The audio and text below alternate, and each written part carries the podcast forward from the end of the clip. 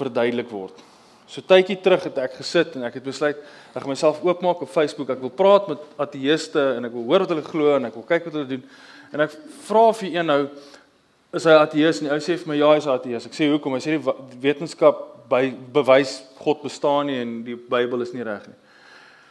Nee, het jy al ooit so klein gehoor? Nee. Die eenvoudige antwoord wat ek vir daai gevra het gesê van wat se wetenskap? Nee. En dan kan die gesprek val die gesprek plat. Nee. 90% van hoe Jesus die evangelie verkondig het en hoe Jesus die evangelie uitgedra het is heeltyd vra vra vir mense, nê. Nee. En dis hoekom ek ek ek kry elke Vrydag die vrye weekblad, nê, nee, in my e-mail. Bloot net want ek hou van die prentjie wat heel bo staan wat sê dink vir jouself, nê. Nee. Dink vir jouself. Ek dink dit is nodig dat ons dink. Verlang dit kerke, verlang dit Christene 100% even, of uh, emosies ingestel en ons het God met ons breine buite die deur gelos en ons kon nie hierdie vrae vir ons beantwoord nie, nê. Nee. Dit het nie gebeur in Afrikaanse gemeentes nie, maar dit begin al hoe meer begin gebeur in Afrikaanse gemeentes, nê. Nee. Ons begin al hoe meer emosioneel ingesteld wees. Dis hoekom ons sukkel met dogma, dis hoekom ons sukkel met lering, dis hoekom ons sukkel met sekere goed, nê. Nee. Uh wat is reg en wat is verkeerd? Maar daai is nou 'n punt vir 'n vir 'n volgende ding. vir 'n volgende lering. Mense wat God ontken, bestaan hoofsaaklik val in een van twee kategorieë. Eerstens, hulle is of ateïsties of agnosties, nê? Nee? Ateïstiese denke is die feit dat God glad nie bestaan nie, nê? Nee? Kan jy gou ons die volgende slide wys, ek ekskuus. Nê. Nee. Ek sê dit hier op dat jy dit kan lees en dit kan hoor. Ekskuus, daai is nou agnosties, ons sal ek nou ateïsties gaan.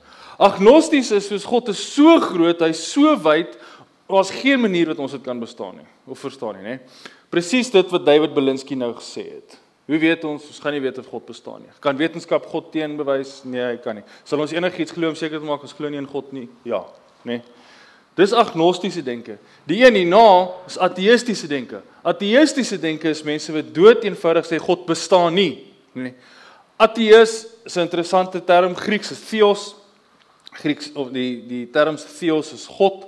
Uh atheos beteken anti-God en dis 'n vreeslike interessante ding want as jy so bietjie daarna gaan kyk, rasioneel daarna gaan kyk, dan val die woord plat op homself.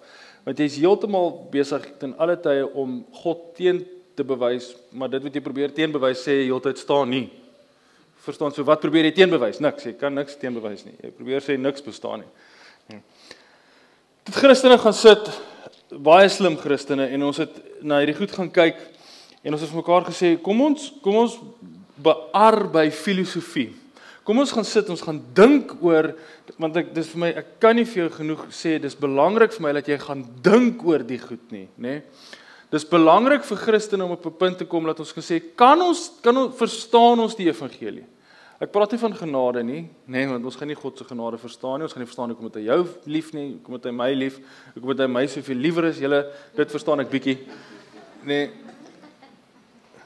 Maar daai daai denke het hulle gesit gesê ek kan ons vir mekaar sê rasioneel, logies en as ook filosofies dat God bestaan. Nê? Nee.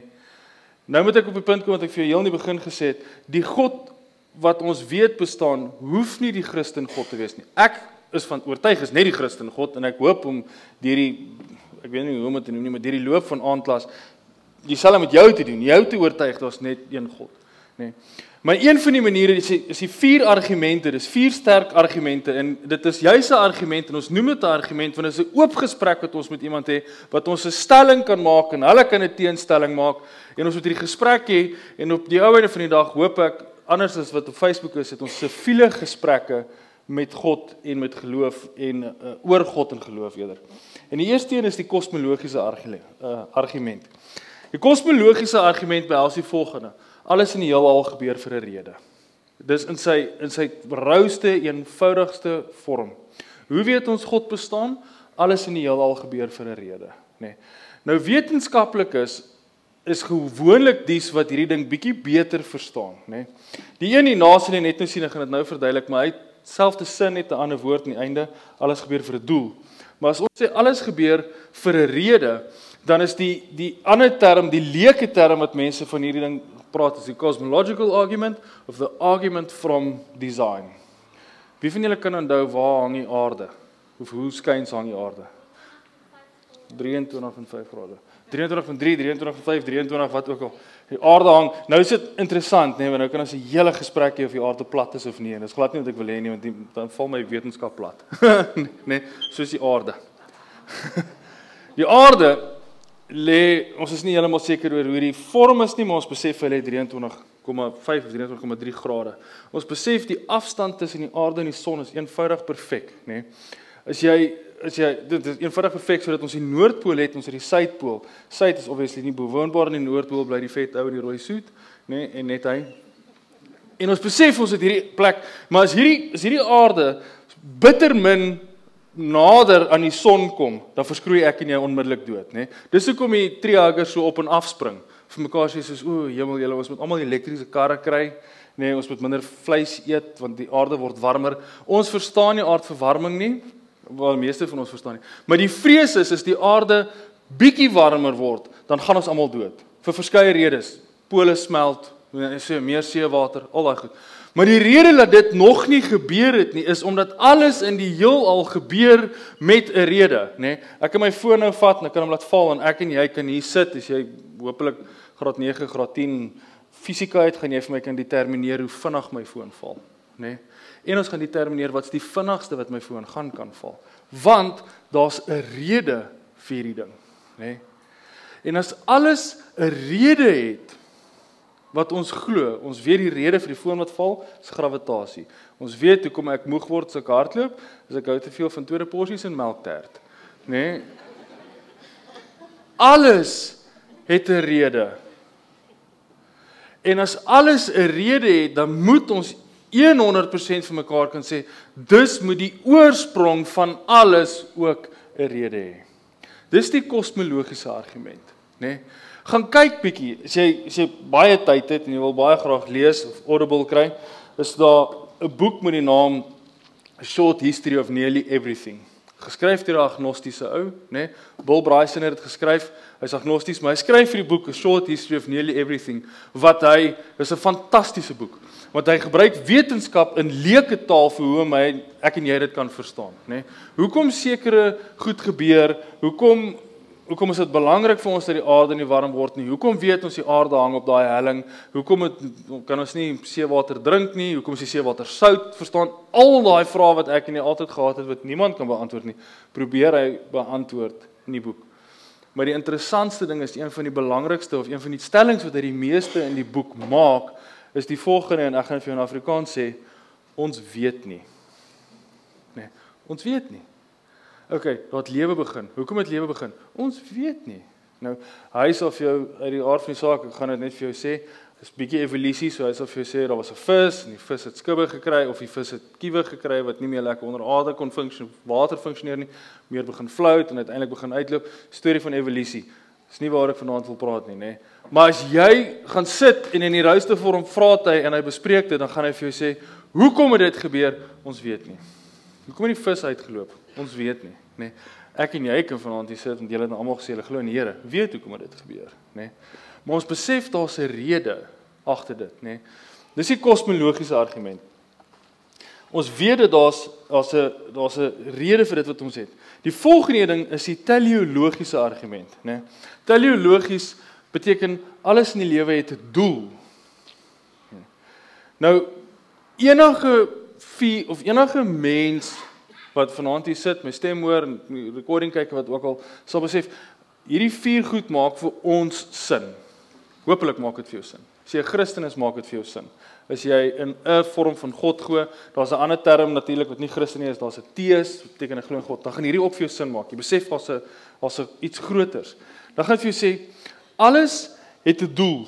Nou hierdie is soos 'n subkultuur van die eerste een wat ek vir jou gesê het, nê? Nee, alles te rede, alles het 'n doel. Hoekom het alles 'n doel? Ons besef as as daar nie gravitasie is nie, nee, dan float ons in die in die hemelruim in. Dan as daar sekere goed in die aarde nie gebeur nie, dan sou dit nie gewerk het nie. Ons leef dit lyk nie noodwendig so nie, maar ons leef in 'n 100% perfekte ekosisteem, nê? Nee, ons is toevallig dies wat dit heeltyd benadeel deur verskeidenheid van goed nê.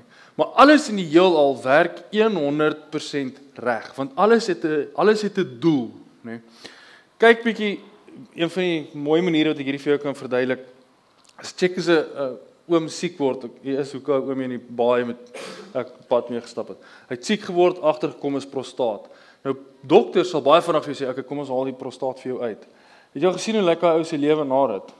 Hy ons ons sit hier, maar ons besef nie, wel die man wat hier sit besef, dink ek, ek weet nie genoeg van wetenskap nie. Ons het 'n prostaat, ons weet nie eintlik wat sy funksie is nie.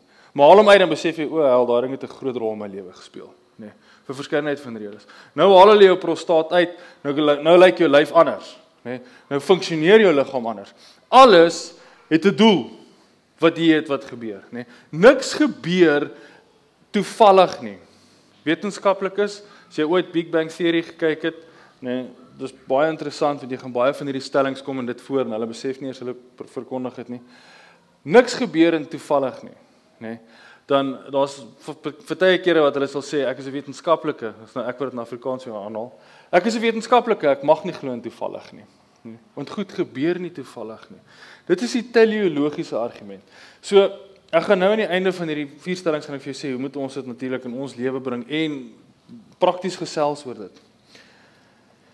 Die volgende stelling is die ontologiese argument, né? Nee, nou die die name is is is so super latyn, so moenie net te veel oor dit worry nie, maar ek wil net hê jy moet begin dink oor hoe hierdie goed werk, né? Nee, hoe ons dit moet benader. Die ontologiese is die argument is wat met my gebeur basies elke keer wat ek in George is en ek kom van George af terug op die N2 en jy kom af en Glentana lê onder jou en 'n hele Mosselbaai lê voor jou en die aand is dit net so mooi dan sien jy hierdie absolute natuurskoon en dan val daar iets in jou gees van uh as jy Afrikaanse sanger is en sê jy verlang na iemand wat jy nie ken nie nê nee. maar daar val iets in jou gees van soos dit dit kan nie net gebeur het nie Verstaan dit dit moes geskep gewees het, nê? Nee. En dit is die dis die ontologiese argument. Dit beteken ons ons oorsprong het 'n oorsprong want daar was iemand wat wat aktief betrokke was in die oorsprong. Daar's 'n plan met dit wat ek en jy doen. Daar's 'n plan met my en jou betrokkenheid hier, nê? Nee. En en ons ons sien dit gereeld. Ry Oudtshoorn toe. Ons stop hier daar by die polisie Ek weet nie, dis net so polisie. Ek weet nie wat is dit nie, maar daar's so 'n polisie teken daar. Stop daar. Kyk vir die kyk vir die berge en jy het hierdie hinkering in jou van soos Jesus, ek moet vir iemand kan dankie sê oor hoe mooi dit hier is. En dis verseker nie die munisipaliteit nie en dis verseker nie die Kaapse Natuurbewaring nie. Daar moet iets wees, daar moet iemand wees, nê. Nou as ek en jy 100% eerlik met mekaar is of jy 'n Christen is of nie, mense beleef dit, nê. Kyk flieks. Uh kyk stories op Netflix. Gaan jy sien Hoeveel mense het hierdie het hierdie hinkering na daar moet iets wees, nê? Dit is die ontologiese argument, nê? Daai ehm um, William Booth het dit mooi geskryf wat hy gesê het ons elkeen is gebore met 'n God-shaped hole and only the God of the Bible can fill it, nê? Nee? God skep ons, glo ek vas, met 'n honger na hom, nê? Nee? Ons vergryp net in verskeie verskeie redes na verskeie goed toe. Interessant genoeg, sover my kennis strek, en ek sal nou regtig met jou eerlik noem, sover my kennis trek, het ons nog nooit op 'n 'n 'n nasie of op 'n groep mense afgekom argeologies en antropologies afgekom op 'n groep mense wat nie een of ander goddelike wese het wat hulle aanbid nie. En daai is vir my en vir jou iets wat bitter belangrik is om te verstaan, nê. Nee, ons is gebore weer eens terug op daai punt. Ons is gebore met 'n honger na God toe, nê. Nee, Daar's 'n boek wat jy kan lees Ehm um, ek kan nie onthou wie se skrywer van die boek nie, maar die boek se naam is Eternity in Their Hearts. Uh dit is gebaseer op die stelling in Romeine 1 waar Paulus vir ons skryf ons het almal uh dink is Romeine 1, ek kan nie onthou nie. Wat sê ons het ons het almal eternity binne in ons. Ons het hierdie hinkering na ewigdurigheid, nê? Nee? God openbaar homself deur die natuur. Dit sal jy sien in hierdie en jy sien dit in Romeine. God openbaar homself deur die natuur en mensegroepe deur die wêreld kom dit agter en soek dit, nê. Nee, hoekom is bestaan die piramides? Want ons het wanneer daai tyd se mense het geglo dis goddelike status, nê. Nee. Ehm um, een van die dankie, Wix, Don Richardson, Eternity in the Heart, as jy dit wil gaan kyk. Baie lank boek, sê. en dit raak bietjie boring as ek eerlik moet wees. Nê. Nee. Maar ons ons elkeen het hierdie het, of of meeste mense groepe, alle mense groepe in alle tye soek na God, nê. Nee. Die mooi van dit en dit is wat hy in sy boek pen is hoe God elke keer vir daai nasies op dieselfde tyd of op of min of meer op die op die manier wat hulle God soek vorendag kom, nê. Nee. Kyk die Boesmans, hoe hulle God soek of 'n goddelike wese soek in die natuur, nê. Nee. En dan sien ons hoe God vir ons skryf in die Bybel, hy openbaar dit deur natuur, Romeine 1, weer eens daai punt, nê. Nee. Hy het 'n boek wat hy skryf um, of, of in een van die boeke wat hy skryf is, is of Thailand of Vietnam waar uh, mense het besef hulle het hulle het altyd hierdie wese gehad. Hulle het altyd hierdie glo en geloof gehad dat daar gaan iemand kom, the man of the book, nê? Nee, en hulle het altyd geweet as hierdie man of the book kom, hy gaan vir ons die waarheid kan vertel. Wat ook al sê ek, dis nie baie geloof nie, maar so vreemde geloof wees. En op 'n dag kom 'n sendeling daaraan en hy dra natuurlik die Bybel by hom en hierdie ouens val by sy voete neer en besef soos hier's hier's dit nou, nê? Nee. Hier is die man met die boek en ons moet hom glo. Dis die die die ontologiese argument. Daai heeltyd 'n hinkering na meer, nê? Nee. Daar's so 'n baie mooi storie wat vertel word en ek kan nou nie onthou wat sy atleet se naam nie. Maar hy vertel dis ongelukkig nie uh Usain Bolt nie. Maar as iemand wat saam met hom gehardloop het of voor hom gehardloop het, verskriklik hierdie 100 meters gehardloop het en dis nou in die tyd voor die voor die 100 meter 10 sekondes was. Kyk, Usain hardloop hom nou net onder 10 sekondes. Dis nie hy is so 9. something. En hierdie ouens het gejaag of hierdie ou het gejaag om heeltyd te sê ek wil net 10 seconds flat, 10 seconds flat, 10 seconds flat. En as jy nou gaan soek wie dit is want hy het dit uiteindelik reg gekry en sê die naam weet. Gaan sit hy by 'n Christen predikant baie jare daarna en hy sê soos hy wens ek het nie my hele lewe spandeer om daai 10 seconds flat te kry nie. Want die oomblik wat ek 10 seconds flat gekry het, is daar niks meer vir my om mee te leef nie. Ek nie besef ek gaan so eensaam en leeg wees aan die einde van dit nie, nê. Nee. Ek glo vas, dis hoekom ek bietjie meer hamer op hierdie is oor die anders. Dit is as ons emosioneel gedrewe mense soos ons vandag is, is dit een van die belangrikste pile in die Christelike koker. Is om vir ons te sê, weet jy nie, daar besef jy nie jy soek meer nie. Is jy nie honger na meer nie, nê? Nee. En as jy ou uiteindelik vir jou sê, ja, dan is ons nou op 'n goeie punt want dan kan jy begin praat oor die oor die evangelie. Die vierde punt en die laaste punt is ehm um, een van die punte wat wat vandag die meeste uh teespoed kry of die meeste mense is in konflik met dit en dis die morele argument. Die morele argument in sy rouste vorm beteken ons besef ons het iemand buite mensdom nodig om vir ons wette te gee. Ons het iemand buite mensdom nodig om ons te regeer. Iets buite ons met ons morele kompas vir ons skets, né? Nee.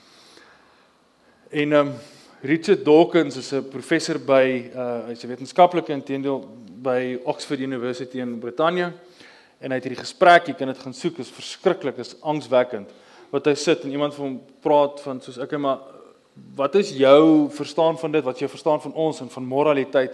En hy sê ons elkeen dans maar net volgens ons eie DNA nee en jy jou moraliteit is wat jy besluit dit moet wees en jy jy dans volgens jou DNA maar uit 'n ander terme wat hy gebruik vir dit jou organisme glo glad natuurlik nie dat ons pad vir ons uitgeskets is nie.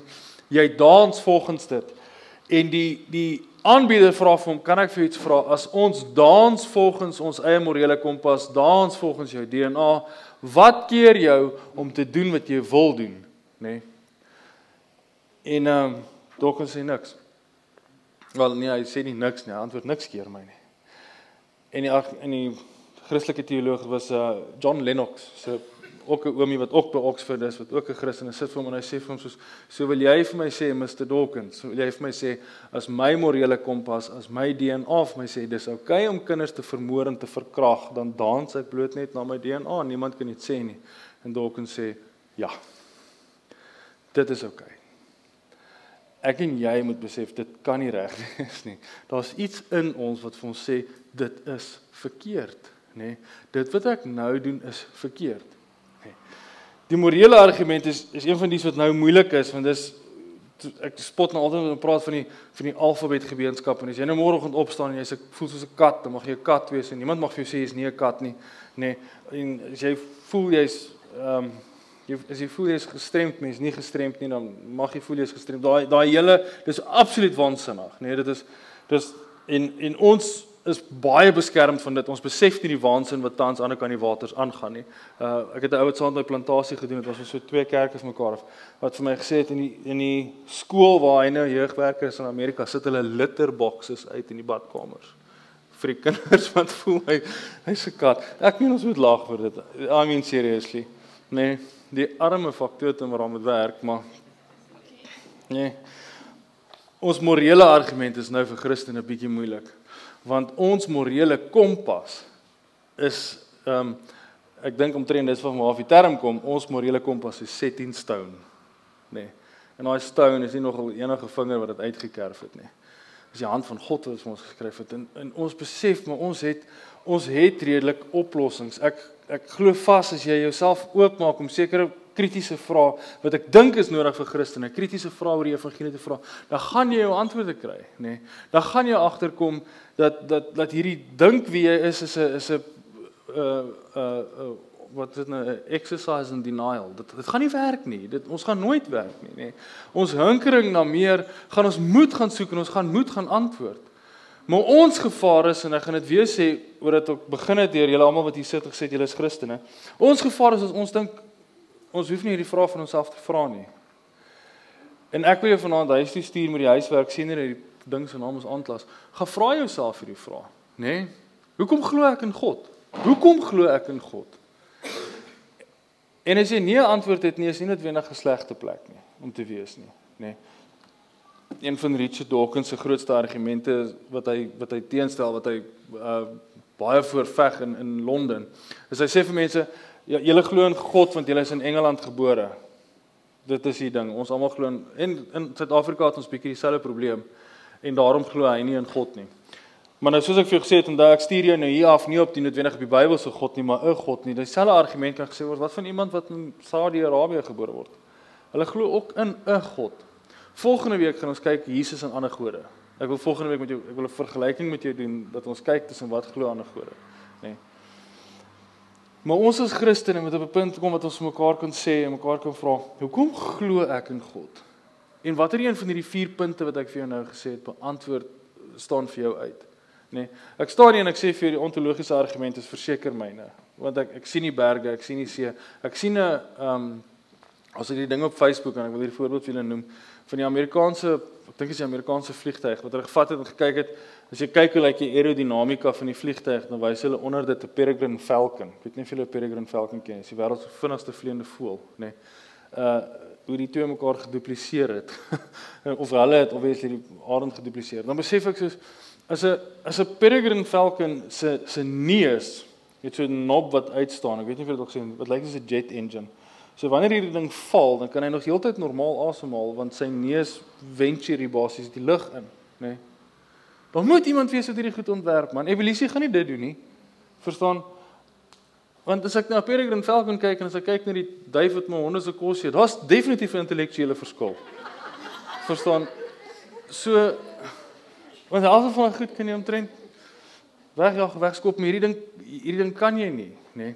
En ek weet dit is nou almal vir jou sê evolusie is the strongest tool survive. Ek kan nie dit glo nie. Ek kan nie in daai vlak van evolusie glo nie. Dan besef ek daar moet 'n daar daar moet 'n God wees wat hierdie goed vir my wat hierdie goed vir my ontwerp. Dieselfde met soos as ons kyk na hoe goed gebeur. Alles moet met 'n rede gebeur. Daar moet seker goed met 'n rede gebeur. Hoekom kan ek en jy wel jy sit nou hier, jy's nie by die huis nie, maar kon half 8 vanaand een nuus aangeskakel het en dan gaan iemand sy beste weergawe probeer gee om vir ons môre se weer te voorspel nê. Nee. Wat in ander dele van die land werk nie in Mosselbaai nie. Nê. Nee, want hier gaan ons bietjie links as hulle sê weer gaan aan die ander kant toe, nê. Nee. Maar hoekom kan ons dit doen? Want ons het 'n beperkte verstaan van kosmologie. Ons het 'n beperkte verstaan van hoe hoe hoe die weer werk. Maar ek en jy kan staan en kan ons sien die wind waai uh suidoos môre of uh, wat? Ek kan nie eens nou. Suidoos môre gaan bietjie koud wees in Mosselbaai, nê. Nee ons besef hierdie goed want ons besef hierdie daar's 'n doel hierdie ding werk, daar's 'n rede hoe hierdie ding werk. En ons kan hierdie as 'n arsenaal gebruik om vir mense te sê, maar besef jy nie dat daar God is wat hierdie goed moes laat gebeur het nie. Goed gebeur nie net toevallig nie. Niemand glo toevallig nie. Nee. Nou wil ek afsluit deur ek wil vir jou voor ek wil vra of enige vrae is, wil ek vir jou sê, die moeilikste ding vir my en jou om te besef is dat bewyse van God is gewoonlik vir mense nie goed genoeg om in die Here te glo nie. Ek wil so ver gaan om te sê dat 98% van dit gaan oor dit behels of dit verlang 'n lewenstyl van hulle wat mense nie wil hê nie. Dit verlang 'n hart wat mense nie wil hê nie. Ons wil nie tot bekering kom nie, nê. Nee. As ons eerlik met mekaar kan wees, dan is dit omdat sonde baie keer net dood eenvoudig te lekker lyk. En dan wil ek nie 'n God dien wat vir my sê ek moet sekere goed nie doen nie. Net omdat ek nie noodwendig besef wat dit is wat hy in plek het vir my nie of 'n pad het vir my nie wat veel beter is as die tydelike afleiding van die sonde, nê. Nee. Maar uit hierdie uit kan ons mekaar sê soos daar is sekere bewyse vir God, maar baie keer is dit oor dat dit 'n hartsaak is hoekom ons nie in die Here glo nie of hoekom ander mense nie in die Here glo nie. En ek gaan nou ehm um, om dit te bewys vir jou kort storie vertel. Ons het net hier aangekom in Mosselbaai. My gesin is nog bo in um, in in Gauteng en ek sit hier onder en ek sit en ek gesels met 'n meisie in 'n restaurant. Sy hoor wat dit is wat ek doen en dan gewoonlik is mense hoor ek, ek werk vir die kerk of ek is betrokke by die kerk, dan vloek hulle nie meer nie. mense doen dit altyd, nê. Nee. Of hulle sê vir my jammer as hulle iets leliks gesê het. Nê, nee, is so weird, nê. Nee. Uh, of hulle druk die sigaret dood Ek het eendag 'n oom hier gesien. Nou ry ek verby hom ek waai vir hom met die sigarette so in sy mond. Hy trek, maar jy weet mos ouens wat rook, hy altyd so ver kyk op sy gesig en hy los die wêreld se probleme op. En hy sien as ek en sy oë so groot en die sigarette is net so dadelik. Dit het niks te doen met my nie. Verstaan? Rook het pla my nie. Nee, maar in elk geval, maar ek sit maar en sy begin met my praat en sy sit en sy sy's redelik militaristies. Sy sê jy weet ek kan nie in God glo nie. En ek sê vir nee, ek weet dit nie ek dink jy kan as ek ek ek, ek kan met, ek glo in God. Ek wat Charles glo in God want dit maak vir my verstandelik sin. Dit maak vir my logies sin. Ek kan God met my kop beredeneer en dit maak vir my sin. Teenoor al die ander kere wat hy vir my wonderwerke gedoen het, maak God vir my sin. En ek sê dan ek sê vir hom nee, ek kan nie ek kan nie dink jy glo in God nie. En sy sê ja, maar sy kan nie glo dat 'n uh, eh, ehm um, dit word ons ook baie, so ons kan nou daaroor praat. Maar sy kan nie glo dat 'n God van liefde babas sal doodmaak nie. Ehm um, wat baie mense sê, maar ek wil vir sê en ek sê dit op daai punt van besef jy meer dokters maak babas dood as as God. Uh, want dit is nou wet in ons land, ons mag babas doodmaak. So daai argument val nie heeltemal nie. Uh, vergif my aan nie, probeer iets anders te verstaan wat wat wat vir my sin maak. En in 'n oomblik besef ek hier's pyn en ek moet by die pyn probeer uitkom wat net die Here is en ek moet uit agterkom van wat help nie gee vir haar bewyse nie ek moet by die hart uitkom. Um, En ek staan so stil en ek praat met haar en moeilike meisie en uiteindelik vra ek vir haar, ek sê vir haar, kan jy kan ek jou 'n vraag vra? Sy sê ja, natuurlik. Ek sê vir haar, waar voel jy God het jou teleurgestel? Nee. En dit is 'n dis 'n absolute heilige oomblik om te beleef as al die wind uit haar seile uit is, al die militaristiese verdediging van die uh, ateïsme is daarmee in.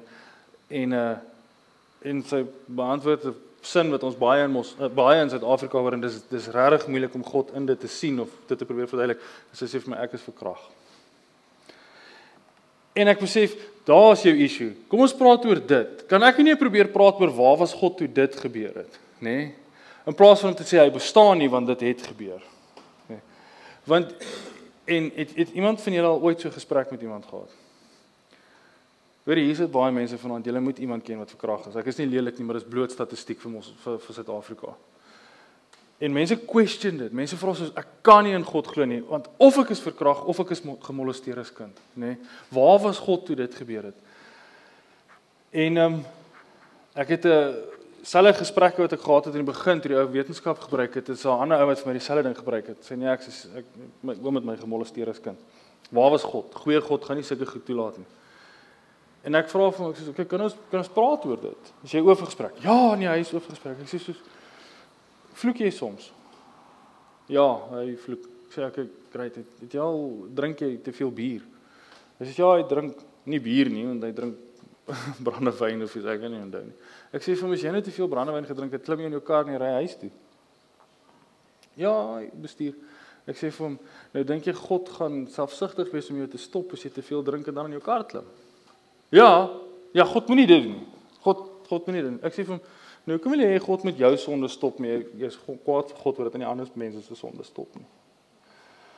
Jy's dan maar bitter selfsugtig. Ja, dit was op Facebook, so ek's baie braaf. Ek moet nee. Jy's selfsugtig, uitroep net. Verstaan? maar as ons eerlik met mekaar is, dit dit is dit. Nee. En die rede, dis ek heeltyd vir jou terugkom net dit wat die vrye weekblad sê, dink vir jouself. want ons verwag van God goed wat ons nie van wel ons verwag van God sekere goed, maar ons verwag nie van God ander goed nie, hè.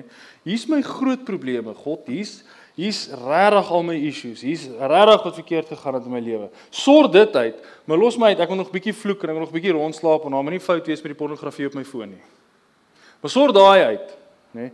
Meanwhile back at the braai vleis is jy eintlik een van dies wat verkrachting verkrachting condone, ekskuus as dit lelik is, maar jy condone verkrachting want jy kyk porn en jy weet nie of dit right is wat met die meisies gebeur of met die mans gebeur nie, né? Ons wil ons wil God blameer maar ons wil hom nie betrokke hê nie. Nê. En ehm um, voor ek vra vra is die belangrikste ding uit al hierdie uit wat ons een van die belangrikste goed ons wat ons moet verstaan en bloot omdat ek glo dis een van die eerste ouens wat oop en eerlik gepraat het oor oor ateëste en Christendom is 'n uh, ehm um, C.S. Lewis in sy boek wat hy of sy radiogesprek wat hy gehad het. En hy eindig dit af met 'n baie belangrike ding wat hy sê, you know there's only two types of people that walk this earth those that they bend their knee to God and says your will be done and those that refuse to bend their knee to God and God says to them your will be done. Ons kies of hom of nie hom nie en as ons nie hom kies nie dan is God nog steeds 'n gentleman en hy forceer homself nie af op ons nie. Ek het nou baie gepraat en ek het eintlik nie seker hoe lank dit is nie. 40 minute, dis baie praat. Het julle enige vrae oor hierdie goed? Het julle enige gebeurtenisse Ek wil ek wil regtig hê dit moet interaktief wees. Deel met my, deel ooit met Ateus gepraat en hy het jou vrae gevra wat jy nie kan antwoord nie.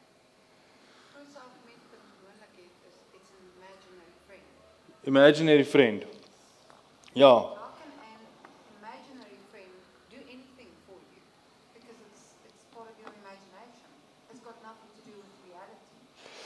Interessant. Wat hulle daar soek is die die filosofiese term vir dit is hulle soek empirical evidence, né? Nee?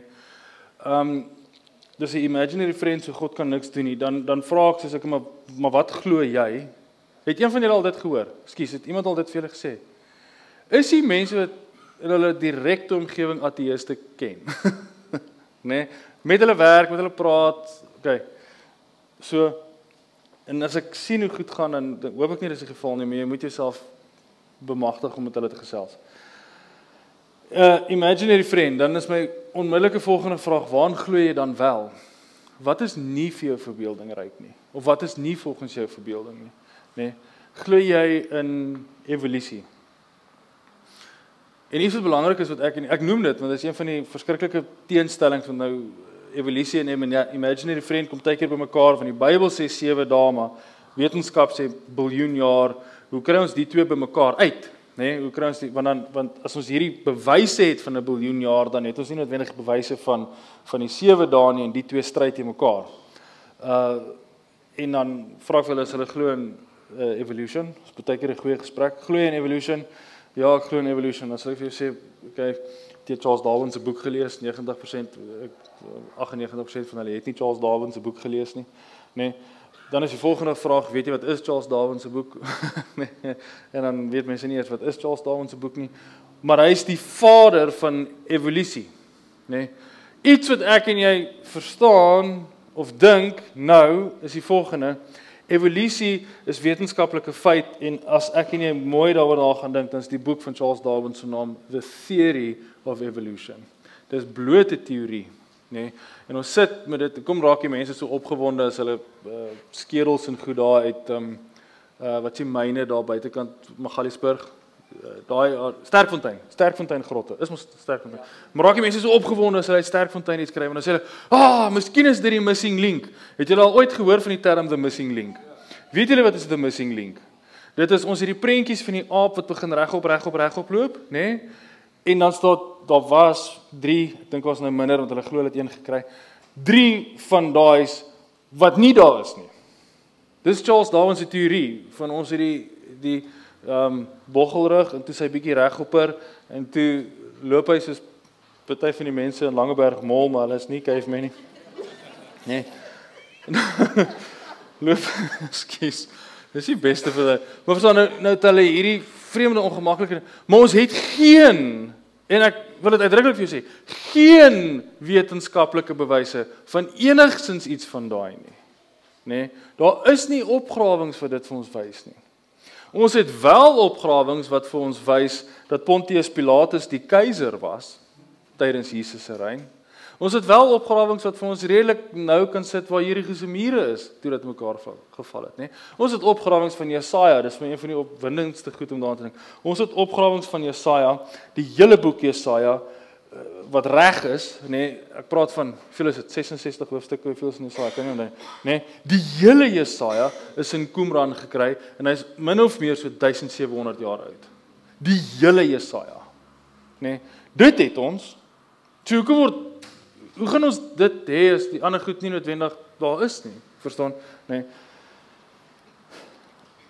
As dit imaginary friend is en en wetenskap is nie vir jou 'n unimagine of 'n imaginary friend nie. Dan moet jy besluit wat is vir jou imaginary en wat is nie imaginary want alles wat ons dink is waar is nie noodwendig waar nie en dit is bloot die idee van filosofie. nê? Nee. Ehm um, ek gaan vir jou 400 antwoorde kan gee op vrae wat niemand vra nie, maar die belangrikste ding is as jy moet actually saam met daai persoon gaan sit en koffie drink. Uh, dis die belangrikste. 'n Ateës word nie 'n Christen uit een koffie drink gesprek uit nie. Dis gewoonlik feitelik 3 jaar, 6 jaar, nê, nee, wat hulle is. En as ons regtig eerlik met mekaar kan wees en hierdie is hierdie is hierdie is leraar, as iemand wat lief is vir die Bybel, wat wat besonder lief is vir God, is die moeilikste ding om te erken. Partykeer het hulle goeie argumente. Partykeer is dit moeilik om te beantwoord. Want partykeer wil ek ook vir die Here vra, ek het jou regtig nodig gehad en jy was nie hier nie. Nee. Maar die belangrikste ding vir my is is ons uiteindelik wil ek kan sit en vir hulle daglig kan gee. As ek gesê soos hierdie kan ek met jou praat nê. En hulle gaan 412 antwoorde of 412 vrae vir jou kan sê van glo nie in God en dien nie en ek glo nie in God en daai nie en ek glo nie in God en ek glo nie in God nie en laat hulle al hulle praat praat tot hulle praat klaar is. Dan is dit gewoonlik eers vir ons op goeie grond om te sê kan ek jou 'n vraag vra? en dan kan ons praat. Ons doel hier moet ons vir mekaar sê in aandklas as ook in jou gesprekke met sulke mense is nooit om die intellektuele geveg te wen nie. Dis glad nie die doel nie. Die doel is om die harte vir die Here te wen. Ons gaan hulle kan ek is baie arrogant as ek dit sê, ek is jammer. Ons gaan hulle intellektueel kan oorwin. Ek glo dit vas. Ek glo die Bybel het antwoord vir hulle goed. Maar dit help nie ons wen die ehm um, wat sê mooi uitdrukking you win the battle but you lose the war. Verstaan? Wen hulle intellektueel en ons verloor hulle 100%. Het nog iemand 'n stelling of 'n vraag? Marlene, daar's nie so iets so stupid vra nie, so jy hoef nie so skaam te kry nie. Dis meer 'n stelling. Okay. Ek dink ek is dalk in my wêreld die mense met wie ek deur mekaar is wat nie glo nie. Is sulke nice mense. O ja. En dat hulle agter hulle rug gedraai het op God as God gaan ons. Ja. En dit is vir my die grootste uitdaging om amper nie op 'n intellektuele vlak nie, maar net deur dade en liefde want hulle hulle leef amper nie amper nie, hulle leef werklik beter as wat ek en wat baie mense wat ek ken wat Christene is. Ja. dit is vir my moeilik om na- dan eintlik vir hulle te sê maar Weet jy net, die die die mooi ding van dit is en dit is wat Christendom anders maak as enige ander geloof wat ek vasglo. Ons is die enigste geloof wat heeltyd vir ander mense kan sê nie alle paaie lei na God toe nie, nê? Want ons glo vas nie alle paaie lei na God toe nie. Ek glo dit vas, nie alle paaie lei na God toe nie. Inteendeel, die Bybel lei nie eers na God toe nie. En hoor mooi hoekom ek dit vir jou sê. Die Bybel lei ons heeltyd om te sê God het na ons toe gekom. ons gaan soek hom nie. God was hier, God het geleef, God het gesoek, nê? Ons as Christene partykeer beweeg in troebelwater wat ons dink ons het die morele hoë grond. En as ek na julle kyk, het ons nie. nee. Maar ons het nie die morele hoë grond nie. En dis eintlik partykeer die mooi van die evangelie. Is as ons besef ons kan die Here aanbid oor wat hy vir my gedoen het, nie oor dat ek fancy is nie. En as mense het gedink het ons is fancy, of as mense het gedink het ek is ek is regtig 'n goeie mens of ek is ek is so nederig, ek is trots op myself. Verstaan daai ons leef hierdie ons neem hierdie instellings in. En dis wanneer ons mense seermaak. Is wat ons is ons vingerwys en ehm um, dit gebeur darem nou nie in in in Suid-Afrika nie, maar as ons as ons borde oprig waarop staan wat turn or burn, verstaan, wat wat lank belangrik was, nê, nee, of uh ons ons staan met hierdie absolute verdoemenis ingesteldheid en ons besef nie noodwendig wat is die impak van dit wat mense deurmaak nie. Want ons wil nie vir hulle daglik gee nie. Ons wil nie harte vang nie. Ons wil nie harte deel nie, nê. En interessant, ons het so onthou julle seker so 6 maande, dis dalk bietjie meer. Ek het nooit geskiedenis in tyd onthou nie. Dis die prokureurs in Noordwes en Gauteng gevang, prokureurs en advokate gevang met die mensehandel. Wat hulle iets so 745 meisies gesmous het. 745 mense is verkoop. En nou gaan ek 'n gevaarlike stelling maak en dit het eintlik een aand in tafel teologie uitgekom en ons sit en ons praat daaroor en ons sê dis 'n verskriklike ding wat gebeur het en Paul wat hier voorsit, as hy kwaad is, wees vir hom kwaad, nê. Nee, maar Paul wat hier voorsit, maak die stelling Die hartseer ding van hierdie 745 mense is is as as jy in mensehandel is en jy's 'n meisie dan word jy verkrag en hulle gee vol dwelms. Dit dis die gewoonlik die natuurlike prosedure of hulle modus operandi, nê. Nee, ehm um, en dan kom hulle, dan word hulle gered En dan staan ons as kerk en ek moet dalk een van julle in die oë kyk. Dan staan ons as kerk hier en sê ons is die Christen, hier is my Bybel, daar's my kruis. Jy met jou neigings oor jy kwaad is vir mans is nie welkom in hierdie kerk nie. Hier soek ons net vrouens wat wil trou en wil kinders hê, nê? Nee, trou met 'n man, moet ek clarify.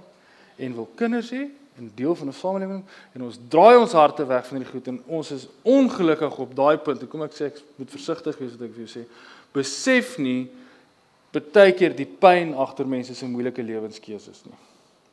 En as ons dit kan doen, as ons die mens kan sien agter die vrae en agter die eh, militaristiese ateïstiese bewegings, ek noem dit militant want hulle is hulle is genuine baie keer so regtig kwaai en ah, ek gaan jou uh, verskree oor my denkwyses. As ons as ons as Christene dit kan doen, as ons by daai hart kan uitkom, dan dink ek gaan ons meer wen, nê. Nee. En die enigste manier hoe om dit baie keer te doen is om nie en ek dink nie ons moet ooit nie die morele hoë grond op te gaan nie. Ons kan nooit sê en sê, "Jesus, ek is 'n ek is al 'n nice ou." Nê? Nee. Het jy al gesien hoe lief is ek vir my vrou? Jo, ek is so nice. Ou. My kinders skree nie in die kerk nie. nee. Ek dissiplineer hulle. Ek het ver oggend gepraat oor jou 8 ure, 8 ure, 8 ure. My 8 ure is 6 ure is gebed, 2 ure is Bybel lees, nê? Nee. En dan kom ons by die punt, ons sê, "Joh, ek is almal nice ou. Weet jy wat? As jy God wil ontdek, loop saam met my." Nê? Nee. Dan neem ons daai postuur in. En weet jy hoe gevaarlik is dit, nê? Nee. Weet jy hoe gevaarlik is dit? Maar as ons by die hart kan uitkom, iemand sê, "Sorry, hoekom kom battle jy?" Hoekom ehm um, Wat is jou vervanging as jy verslawing het? Wat waarvan ontvlug jy? Hoekom is verslawing jou ontvlugting? Wat is dit wat jy van voor wegkom? Hoekom is jy kwaad vir mans? Hoekom is jy kwaad vir vrouens, nê? Hoekom want as jy regtig met mense daai gesprek het, dan dan wen ons meer harte vir die Here as dit ons argumente argumente te is. Weet jy wat jy mooi Afrikaans vir dit nie? Nê? Is no, enige iemand nog 'n stelling? Sake te saak Sean, gooi. En ehm, ek dink baie keer is ons challenge hierso nie noodwendig wat uh, waar ek nou by ons betrokke raak of mense leer ken. Bestaan God. Is baie meer die geval van almal glo God bestaan maar dis die man upstairs of the man up there, ja. The man up there of die ou baas of die is asof hulle ja, hulle wil nie direk sê maar God is nie eintlik geen saak in my lewe nie. Hulle erken hom daar, maar hulle ja. hom daar hê en hom daar hou. Ons challenge is baie keer om te sê, hoe bring jy hoe kry jy God deel van jou lewe? Jy weet, ek kom agter dit is is 'n is 'n jy weet, is 'n groter stryery om om te sê, hoe vat jy God ernstig op in jou lewe? Mm. Daai punt oor te bring uh, in 'n gesprek, want baie keer het jy nie baie tyd nie, nê. Baie keer ont jy mense in 'n kort tydjie, jy sien hulle vir 'n uur of 2 ure, ek gaan doen 'n kwotasie om daar 'n gesprek te partykeer. Ja. En jy kom agter, maar dis hierdie mense sien wys. Ehm um, ek glo vas, dis ek die Here vir ons gesê het. En dit is moeilik want ek verstaan 100% jou werksomstandighede. Ek dink dis hoekom die Here gesê het ons moet disipelmakers wees.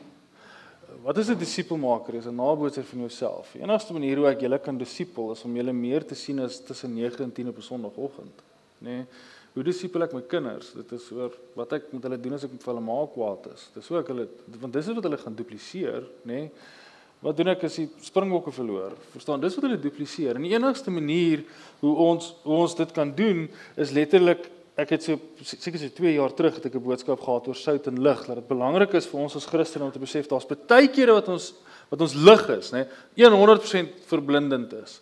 Uh Jacques van der was 'n Jacques van der Westhuizen wat op die rugbypaal gestaan het, Jesus is koning, nê. Verblindend. Ba, staan en hy ek kan nie vir julle sê die verdoemenis wat oor sy lewe gekom het nie. Maar dan is daar ander kere wat wat ons wat ons sout is, nê? Nee? Nou interessant, ek gaan nie daai hele preek vir jou oorpreek nie. Maar, maar interessant sê Jesus dan daai ding, julle is die lig vir die wêreld en julle sout vir die aarde en ek glo vas daar's twee noemenswaardige verskille daar. Wêreld, kosmos, groot, buite, aarde, Hebreëse term hom hier. Nou, ons is sout nou hier, nê? Nee? Jou jou persoonlike lewe, jou beste manier om vir mense te wys jy's 'n Christen is jou werksetiek. Kom na my toe, kyk hoe doen ek my gasinstallasie. Ek gaan nie meer vra as wat nodig is nie. Ek gaan nie nou overcharge nie. Kyk hoe netjies is my gas geïnstalleer. Dis elkeen van ons se hardste getuienis. Hoe werk ons met ons kliënte? Hoe werk ons met die besigheid? Hoe werk ons met die baas? Hoe werk ons met die bestuurder? Nee, want ons moet besef ons werk nie vir die bestuurder nie, ons werk vir die Here. En werk is nie die straf nie. Verstaan, werk is nie straf nie. Dis ons dis wat God vir ons gedoen het. Hoe werk ons met ons mense? Hoe gaan ons om met hierdie mense? Dit gaan jou bevoegd maak, nê? Nee.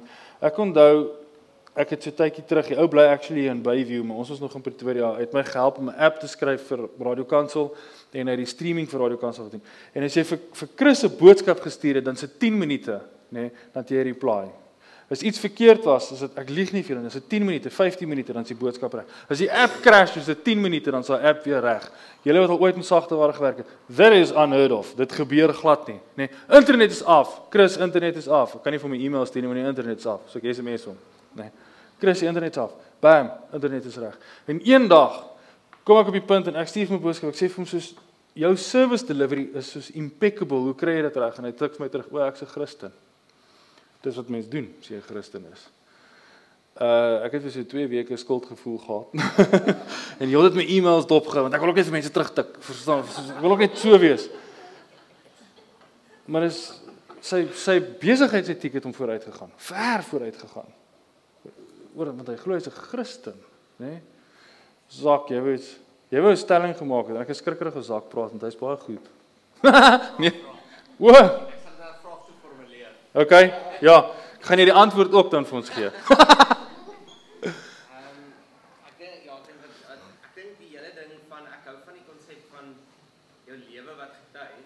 Mm. En ek aansluit met Martin gesê van ehm uh, baie van hierdie ouens wat wat ons nou gelees het, praat oor as jy as jy my klaar oortuig het om in Christus te glo, dan is daar regtig argumente. Dit is nie so mm. ingewikkeld eintlik in beginsel om net te wys dat Jesus werklik bestaan en dat hy opgestaan het, dat dit daar's sterk argumente op. Die probleem is eerder as as jy my klaar oortuig het, wil ek nog in hom glo. Dis dit bly baie sure. vraag. So die God wat jy verkondig het, getuig dit van die lewe wat jy leef. Want dit is baie maklik om te sê ek het al hierdie stel argumente wat regtig daar is. Verstaan, apologetiek is 'n baie sterk vak. Ja. Die een is wetenskaplik. Yes. Maar die die vraag is as dit nou klaar gedoen is, wat, wat is nou die ander het het my lewe nog steeds getuig van die God waarin ek glo wat ek verkondig. Ja. Baie ding moet by mekaar kom. Ek dink dit sluit 'n bietjie aan by wat jy sê, maar aan aan haar vraag was interessant die stelling van as iemand kom en en die hele argument het van ehm um, maar hulle hulle leef goed reeds, hulle leef hulle leef in in in in in gehoorsaamheid, maar hulle is eintlik op punt. Hulle leef moreel, ja. Hulle leef moreel. Yes. Dan sê ja. op daai punt is dit juist die is sou my uit die morele argument het sou my vraag moet ek wees, maar hoekom leef jy moreel? So wat ek dink jy onderskei van daai morele argument is ons wat behoort te wees en wat is. Is nie Yes, yes. Wat behoort te wees. So hoekom behoort hulle so te leef? Want uit 'n ateïstiese lewenswêreldbeskouing uit 'n ateïstiese perspektief if anything goes. Of jy die tannie ehm um, baie van hierdie filosofe het gesê of jy die tannie doodry in die straat of jy haar oplaai self op sê. Ja. Jy is met depressie self. Ja. Want daar is nie 'n morele standaard nie, jy skep dit. So die vraag onmiddellik is is net is, is hoekom behoort hulle reg te leef? So om die vraag terug te speel en te sê, goed, ek sien jou lewe en ek's dankbaar oor jou lewe, maar jy is eintlik in gehoorsaamheid aan God se algemene morele wet. Jy erken eintlik God deur gehoorsaam te wees, maar jy ontken hom met jou mond. Dis weird. Jy gebruik die suurstof wat jy inasem wat sê God bestaan, gebruik jy nou om te sê hy deur ja, dis weird. Maar met dieselfde Ja. suurstof sê jy God bestaan nie, maar jy leef so. So ja, dan ons moet terug speel half op hulle en nie en nie die vraag miskien los. My Ehm. vraag is, vra jy dit of Ja. want want jy jy antwoord eintlik my vraag in die sin van ek weet daar is dieper die groot word jare het tog Ja, die default is daar Ja. dis net die pad wat gestap is en die wetenskaplike pad wat gestap is het jy die besluit gemaak ek glo nie want ek is 'n wetenskaplike Nee. maar die lewe is absoluut is 'n Jesus lewe Ja. Ek dink wat Charles genoem het wat so mooi is, is wat jy dink van daar is heel moontlik 'n beradingskwessie. Daar's heel moontlik 'n dieper liggende Hmm. oorsaak. Daar's redes hoekom mense nie glo nie. Die meeste mense is daar redes hoekom hulle nie glo nie. En as jy by Hmm. daai ding kan kom, so die die argumente is amper net die die deur die Voertuig, ja. werklike- Yes. Sorry, ek het dit het ek dit nou 'n vraag. Ja, ja, ja. Ehm ek wil net vir Zake 'n vraag vra en sê so volgende week gaan jy dit dan aanbied. Ehm ons dis dis so terwyl Zak praat besef ek so ek weet van min Christene wat tot bekering gekom het omdat hulle sterk argumente gehoor het.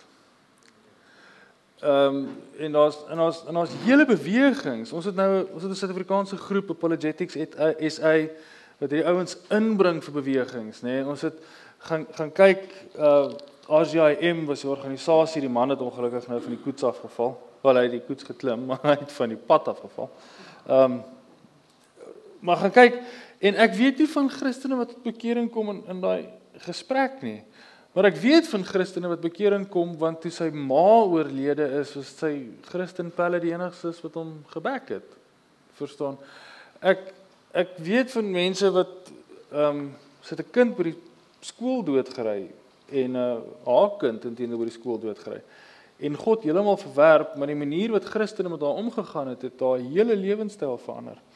Nie nie ver van hier af nie is Riebeek Kasteel. Nou Riebeek Kasteel het die hoofkerk van satanisme Suid-Afrika gehad. Het julle dit geweet, nê? Nee. Nou dis 'n vreemde satanisme. Dis nie heeltemal so ek glo nie vas dis heeltemal 'n kultiese ding nie. Maar hulle priester het so onderste bo kruis tatoeëermerk gehad. Hy het so so onderste bo kruis op sy kop en dan het streep so afgegaan uh tot hier op sy neus. 'n uh, Vreeslike as jy nog nooit in jou lewe baie gery het nie of met baie kers te doen gehad het nie, is hy angswekkend. Nee, as hy uh, as jy baie gery het, lyk dit soos die ouens op jou braai opdaag.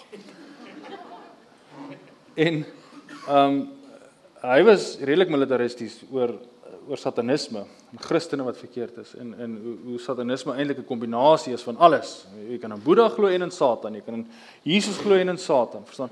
En ons, sy dinge soos as jy die ehm um, uh die, die satanistiese Bybel lees, is dit ook wees net oop vir mense. Wees lief vir mense. Jy lewe jou leef, ek lewe my leef en ons gaan net nou aan en ons moet net met mekaar konflik hê. En hy voer 'n radiogesprek in Kaapstad met ehm um, ek kan nie nou wat die radiostasie. Ek weet dis die Tygerberg nie, Tygerberg se Christen. Maar hy voer 'n radio-onderhoud in Kaapstad. En hy sit en hy's ah Christen in die kerk en hy's verskriklik verbitterd en ek weet nie hoe laat die ouens hom toe nie. Seker Cape Talk, ek kan nie onthou nie. Verskriklik verbitterd. Ah, gaan aan en gaan aan soos daai ou op 702. En toe hy afstap en van die lug af gaan, toe gaan die controller, as nou nie geweet het nie of as jy nog nooit Frasier gekyk het nie, die omroeper praat en dan staan daar 'n produsent aan die ander kant en hanteer bietjie telefoonlyne en klank en so. Uh en toe hulle van die lug af gaan, toe stap hy uit en die meisie gaan na hom. Toe sê sy van wag, wag, wag, moenie gehol, moenie wegloop nie. Ek gaan met jou praat. En hy's tog toe nou ja, weet, nog 'n disipel. Ons het hulle gewen. En sy sê so so hoorie, ek kan gou vir jou sê, kan ek 'n bietjie vashou of jou drukkie gee? En hy dog toe, dis weird. Uh gaan kyk die storie. Hy het dit op Facebook gelaai. En hy gryp haar en hou haar vas en daar kom hy tot bekering. Nê? Nee. Nie argumente nie. Die hoof van die sataniese kerk dien nou die Here oor 'n meisie om 'n drukkie gegee het. Verstaan? Ek wil hulle Handelinge 5 gee. Ken julle Handelinge 5? Nee. Die vyfvoudige bediening. Nee. En hierdie kom hierdie girl met haar sagte hart en sy gee vir hom 'n druk en na kom hy tot bekering. Ek dink as ek dit sulke gesprekke hoor en presies dit wat Zak nou gesê het, is ons besef nie hoe hard ons lewe getuig van dit nie. Die argument en hierdie kennis en hierdie intellek wat ek vir jou wil stimuleer en ek wil volgende week met jou praat soos ek sê het Jesus en ander gode die verskil uitwys, nê, nee, is bloot nie die voertuig om vir jou die gesprek te begin, maar presies dit wat Zak nou gesê het, soos die harde werk begin die oomblik wat die ou vir jou begin luister. Nee, dan begin die harde werk, want dan gaan daar so groot vergrootglas op jou lewe wees En sy sê: "O, maar jy dien 'n God, maar jy sal geskei." Of ek neem dit 'n voorbeeld, né? En dan gaan jy daai gesprek met iemand met hom. O, jy dien 'n God, maar ehm um, jy vloek ook af en toe. Jy dien 'n God, maar ek kan nie sukkel om te verstaan hoe jy Christen is, maar jy dink brandewyn en coke. Verstaan? Dan gaan daai gesprekke met jou hê en jy gaan moet gereed wees om daai gesprek met mense te hê. Maar jou lewe moet baie baie baie harder preek as wat enigiemand van hierdie vier argumente wat ek nou vir jou genoem het gaan preek. Ek wil julle moet dit ken. Ek wil julle moet dit kan dink, nê. Nee. Dit is jou jou presies dit wat Zak gesê het, dis jou tree of jou begin uh na die gesprek toe. Daar's 'n meisie op Instagram wat so 'n video opgelaai het. Ek het dit toevallig gesien. staan so op sê sê as die God van die Bybel nou aan my verskyn en vir my bewys hy's waar, gaan ek nog steeds nie in hom glo nie. Nee. Verstaan julle die die die hartsissue wat dit is? Nee, dis dis genuine hartsie. Ons in Mosselbaai het hulle uh, Amelda het gepraat van fairy tales, maar ek kom so 'n bietjie agter Mosselbaai praat van ou vrou stories. Het julle al dit gehoor? Nee man, ek glo nie in Jesus nie, is ou vrou stories. Gaan kyk, moet nou nie eintlik dit gaan soek nie, maar dit is redelik groot. Mosselbaai op sy heel beste en Marula Media. As iemand vir Afrikaanse mense 'n mooi Bybelstorie post, dan is een van die eerste kommentare, dis ou vrou stories, nê? Nee. Dit is nie ou vrou stories nie. Wel dit is ou vrou stories van ons ou vrouens wat kinders uit die hel uit hou die hele tyd wil bid, te bid, nê. Nee. Maar ons verseker waarheid in dit. En as ons 100% onsself ondersoek en agterkom soos dis 'n hart issue nie noodwendig altyd 'n intellektuele issue nie. Dan is dit iets anders. Maar vir my, ek het tot bekering gekom en toe staan te veel goed wat nie vir my sin maak nie. Toe kom ek agter, ek wil hierdie God swat. Ek wil hierdie God soek, ek wil hom ken en ek wil verstaan dit's baie vreemd, maar ek wil probeer verstaan hoe hy beredeneer en hoe hy dink en hoe ek dink want ek is gek oor filosofie en dis hoekom ek hierdie studies gaan doen het. Dis hoekom ek hierdie goed gaan studeer het. Dis hoekom ek gaan kyk het hoe dink ateëste, hoe dink agnostiese mense. Wat is die verskille tussen ons en Islam, ons en Hindu, nê? Nee? En as as alle paaie na God toe lei, hoekom kies ek hierdie God? As ons mekaar eerlik moet wees. Hoekom kies ons hierdie God, nê? Nee? En ehm um, ek kies hierdie God want dit is, maak vir my klinkklare klinkklare sin. Ek kan nie ek, ek kan nie anders doen nie. Verstaan as jy my verstaan ek, ek maar God maak intellektueel maak hy ook vir my sin. Hy maak nie net my hart ook nie, maak maar maar hy maak vir my sin. Die Bybel maak sin dat dit die enigste waarheid is. Nee, daar's 'n daar's 'n raamwerk ehm um, wat wat enige godsdiens aan gemeet word wat as jy regtig filosofies is en baie mooi daarna kyk, is die raamwerk origin, meaning, morality and destiny. Waar kom ons vandaan? Wat is reg en wat is verkeerd? Hoe kom ons hier en waartoe is ons eindproduk, nê? Nee. En ek sê nou vir jou ongetwyfeld waar ek hier voor jou staan, dat Christendom is die enigste een wat antwoorde op al daai vrae het, wat al die vrae vir mekaar beantwoord en coherent is. Dit is 'n nie incoherent nie, dit is coherent, nê? Nee. Ons al daai bewyse kan ons die vrae beantwoord en dit bring ons nog steeds na God toe, nê? Nee. Ons weet waar kom ons vandaan. Ons weet waartoe gaan ons. Ons weet wat is reg en verkeerd. En ons hoef nie te twyfel nie. Dit is nie die blaas 'n stad op en en jy gaan al jou vleeslike begeertes uiteindelik in die hemel kry nie. Nee. Dis niks van dit nie wat Islam natuurlik glo wat ons volgende week sal sien. Uit alles wat ek nou gesê het, is daar nog iets wat enigiemand wil vra? Twee twee vrae. O, gats. okay. Kan jy miskien vir ons 'n bietjie weer verduidelik oor die Big Bang teorie? Nee? Okay. En die tweede vraag is wat is die supermolekule? Goodness. Okay. Ehm um, Ek gaan dit vir pa antwoord. Dis my skoonpa, jy weet nie of jy weet dit nie. Ek gaan vir pa antwoord, maar dis nie by vanaand se tema nie. Ek wil praat oor. Ek wil die hele aand vir ons wy oor. 'n ander Ek gaan dit op 'n- ek gaan dit op 'n ander keer beantwoord. So julle gaan net dit as julle daai wil hoor, gaan ek gaan dit vir ons beantwoord. Maar daar's Christene wat hierdie ding geswat het en bestudeer het. Dit gaan wees oor God en wetenskap wat waarskynlik ek wil volgende week uh, nie volgende week nie die 17de. Ons doen elke tweede week want hier is so 'n bietjie baie leeswerk, né? So 17 September is God Jesus en ander gode. Uh die eerste naweek in Oktober is God en wetenskap. Ehm um, wat ons ek wil hê julle moet dit weet en ek wil hê ons moet daaroor gesels. Dan gaan ek nou uh is daar nog iemand met 'n vraag? Ja, asseblief. Sorry man, Nee nee. sit maar net met die dinge maar wat ek ja. Mag ek my sê so? Ja, asseblief. Ek ken niks en niemand nie. Nee, jy's welkom. Deel van die ehm um, weet jy wat wat vir my baie bevrydend is is ehm um, ek hoop regtig nie die hele wêreld te gaan probeer oortuig Ja. want dit is absolute godsdienstige benadering van ons moet gaan en ons moet hierdie wêreld gaan wen. Mm. En ehm daar's vir my as hy nie wedergebore is nie, hy verstaan nie die God nie, hy verstaan nie die Gees nie, dan gaan hy my op die afval nie verstaan. Dit so as ek met Mm. want hy hy verstaan nie dit. Hy het nie die vermoë om Heilige Gees te kan Interpreteer nie, ja. interpreteer nie. So en ek gaan hom in elk geval nie op intellektuele intellektuele redenasies en goeters oortuig gekom nou word. Dis met slim goedjies. Mm. Hy gaan nog nie die konsep kry nie. Nee. Ek uh, verwys dit eenvoudig. En dis maar my persepsie en ek, en ek is nie apaties of ek is nou nie in teenstelling hierdie is. Nee.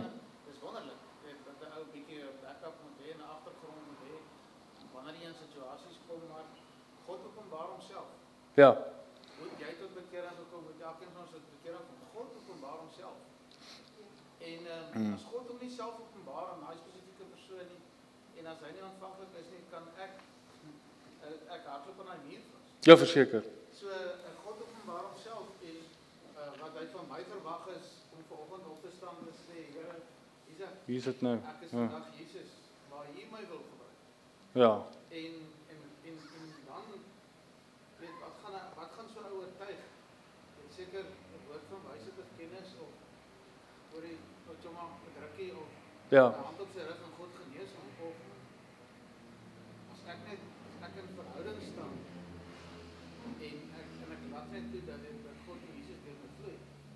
van. Verseker. Op. Ja. Ehm maak Nee, ek stem is alles Gaan nou weer net te dien. te dien of of net te wees vandag Mm. waar nodig is vrede oor in 'n regte verhouding staan met met met God. Dan kom ek op die regte plekkies uit.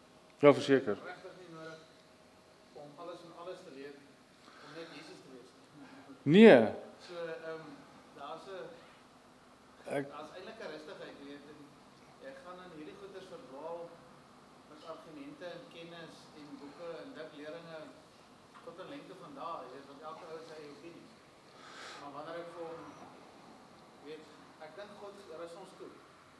Ek dink ons het die volle toerusting, weet, ons is toegerus. As jy gee vir ons die gawes, hy gee vir ons die wysheid en wanneer en as hy jou as dit van God is af is dat ek vandag in 'n situasie met 'n persoon is, dan gaan hy Hmm. my dan gaan hy vir my deurkom. ek hoor. Ek moet net luister.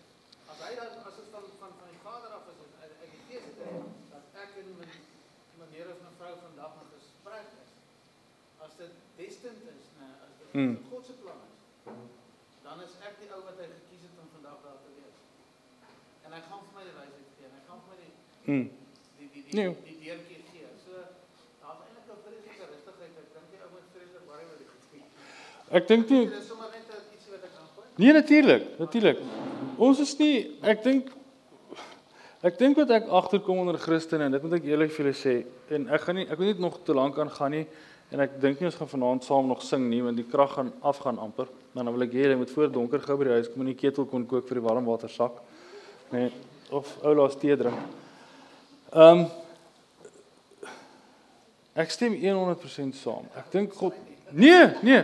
God ek het hierdie ek het hierdie mooi ding in die storie wat my opkom toe enige gepraat. Ekskuus jou naam. Japie. Mooi ding wat my opkom is ek werk in die bos en daar's 'n oomie wat saam met my gewerk het en oom Corrie is 'n baie interessante ou gewees. Hy's 'n dierbare ou, maar jy ken daai vriendelike ongeskikte mense. hy oom Corrie was so ou. En dan kom 'n ateïs na ons toe. En hulle is en ek wil nou twee stellings maak. En hulle kom verskriklik ba, ek's ateïs. Ah, jy vertel my hier's jou kruis. Wys vir my nou dit, wys my dit dat. En en oom Corrie is lief en deur met hom, so moes ek kan. En hier by dag 3 of dag 4 kom hy weer na ons toe. En hy gaan staan so vir hom Corrie, maar hy maak sy arms so oop en hy sê vir hom Corrie, dis is dis in die bos. Ek weet nie of jy al ooit by in nie nie fisies in die bos nie, dis 'n feesterrein in die bos, né? En dis soos soos soos aanklas, né? So nou staan ons en uh hier kom die oomie en hy kom staan so voor hom Corrie en hy sê vir hom, "Jy's mos nou 'n Christen. Wys my waar's my siel. Wys my waar's my siel." En hom Corrie kyk hom so aan sonder om te blik of te bloos sê vir hom, "Ek weet nie, pel, gaan soek tomates in die serpe." nee. Ehm um, en dit dit kom op die punt ek ek vertel die storie vir twee redes. Dit kom op die punt van ouens gaan ons wil nie altyd uit ons geloof uit. En as ons nie bevoegd is met hierdie goed noodwendig nie, dan gaan jy dalk val vir hulle triks. Dit is eerlikwaar as ek dit vir jou sê. Die tweede ding is Christene my portuïergroep en jonger is bang om te sê hulle is Christene want ateëste is baie meer verbaal en is baie meer aggressief en dan voel hulle hulle het nie die intellektuele agtergrond nie. Uh dis hoofsaak, dis eintlik een van die hoofredes hoekom ek hierdie goed gedoen het. Dan die ander ding is is Petrus het hierdie mooi stelling wat ek gemaak gesê en ek jy wil nog gevra vir Paul ek nou weer. Petrus het hierdie mooi stelling wat sê asseblief ehm um, uh wat Petrus maak sê wees altyd gereed om 'n antwoord te gee op die hoop op van die heerlikheid wat in jou leef. En dis wat ek hier vir jou wil doen. Ek wil vir jou verskeidenheid van antwoorde gee. Ek wil en ek dis lelik van my eerlikwaar om vir jou te sê ek gee vir jou pyl in jou koker. Dis nie die plan nie. Jy moet net die antwoord ken. Jy moet net God ken, jy moet weet hoe dit werk. Wil jy iets vra? Nee, ek wil aansluit daarso. O, Dit is so God gee jou wysheid. Ek stem 100% saam met jou. Ek weet die, die tieners net as iemand nou vandag na jou toe kom en sê hoor so ek is nou gereed om Here aan te neem help my. Dan moet ou voorberei wees. Dis nou 'n bietjie ander konteks, maar Mm. um, kan jy ek praat met jou nie. Ek praat met die kinders. Kan ek 'n Bybel vat en sê okay, hoor jy ek wil nou tot bekering kom. Kan ek iemand na die Here toe lei dan en dit doen? Van ek die Bybel oopmaak en waar hy val lees. So dis hoekom ons hierdie goed lees. As 'n ou na jou toe kom met 'n vraag. Weet eh, het ek die kennis of en ek het weet baie keer nie. So ek, ek sê self, as ou na my toe sê ek kennis om sê ek myself. Dan dan kyk ek vinnig na my kripnotes en goed en dit is elke keer anderste. Maar dan moet 'n ou vir hom uit die woord uit kan vertel wat ek in 'n geval hoe dit werk, wat jy moet doen en dan dit actually doen. Hmm. En dit is hoekom ons net hoekom ek voel ek wil meer kennis hê net om daai gesprek te kan hê. Maar die wysheid is verseker daarvan 80% van die tyd dan dan kom dit toe, soos jy sê. En die Here verwag dat ons daarom ons eie huiswerk ook doen. is ek ehm um, daai meisie van wie ek net nou gepraat het en het ek nie idee oor daai meisie van wie ek net nou gepraat het. Al my argumente sou haar nie gewen het nie. Sou verder weg van hier af gedryf het. Verstaan? Ehm um, maar ek ek wil hê dit moet vir ons belangrik wees as Christene om te besef ons kan God poog om God te verstaan. Ons met ons brein dink oor hoekom ons hoekom ons aan hom glo. Dis belangrik, né? Nee? Want voordat ek wil wel eens moet afsluit met 'n liedjie. Nee, dis vir ons belangrik om te besef dat en dis regtig dis vir my ongelooflik belangrik. Ek wil nie hê jy moet in die oggend en ek hoop jy het dit al ooit gesien as jy in een van my boodskappe was. Ek wil nie hê jy moet by daai deur instap en voel ek in jou verstand afsit en net jou hart oopmaak vir die woord van die Here nie. Nee. Ons moet dink oor God. Regtig? Nee. Nee, dis wat die Bybel sê as hy medit sê mediteer oor hom. Dink oor hom, nê? Nee. En dan moet ons mekaar vra hoe gereeld dink ons werklik oor hom? En as ons kan dink oor hom, kan jy met jou denke sê ek glo nog steeds in God. En ek wil dit baie graag vir jou doen want ek doen dit. Ek glo nog steeds in God.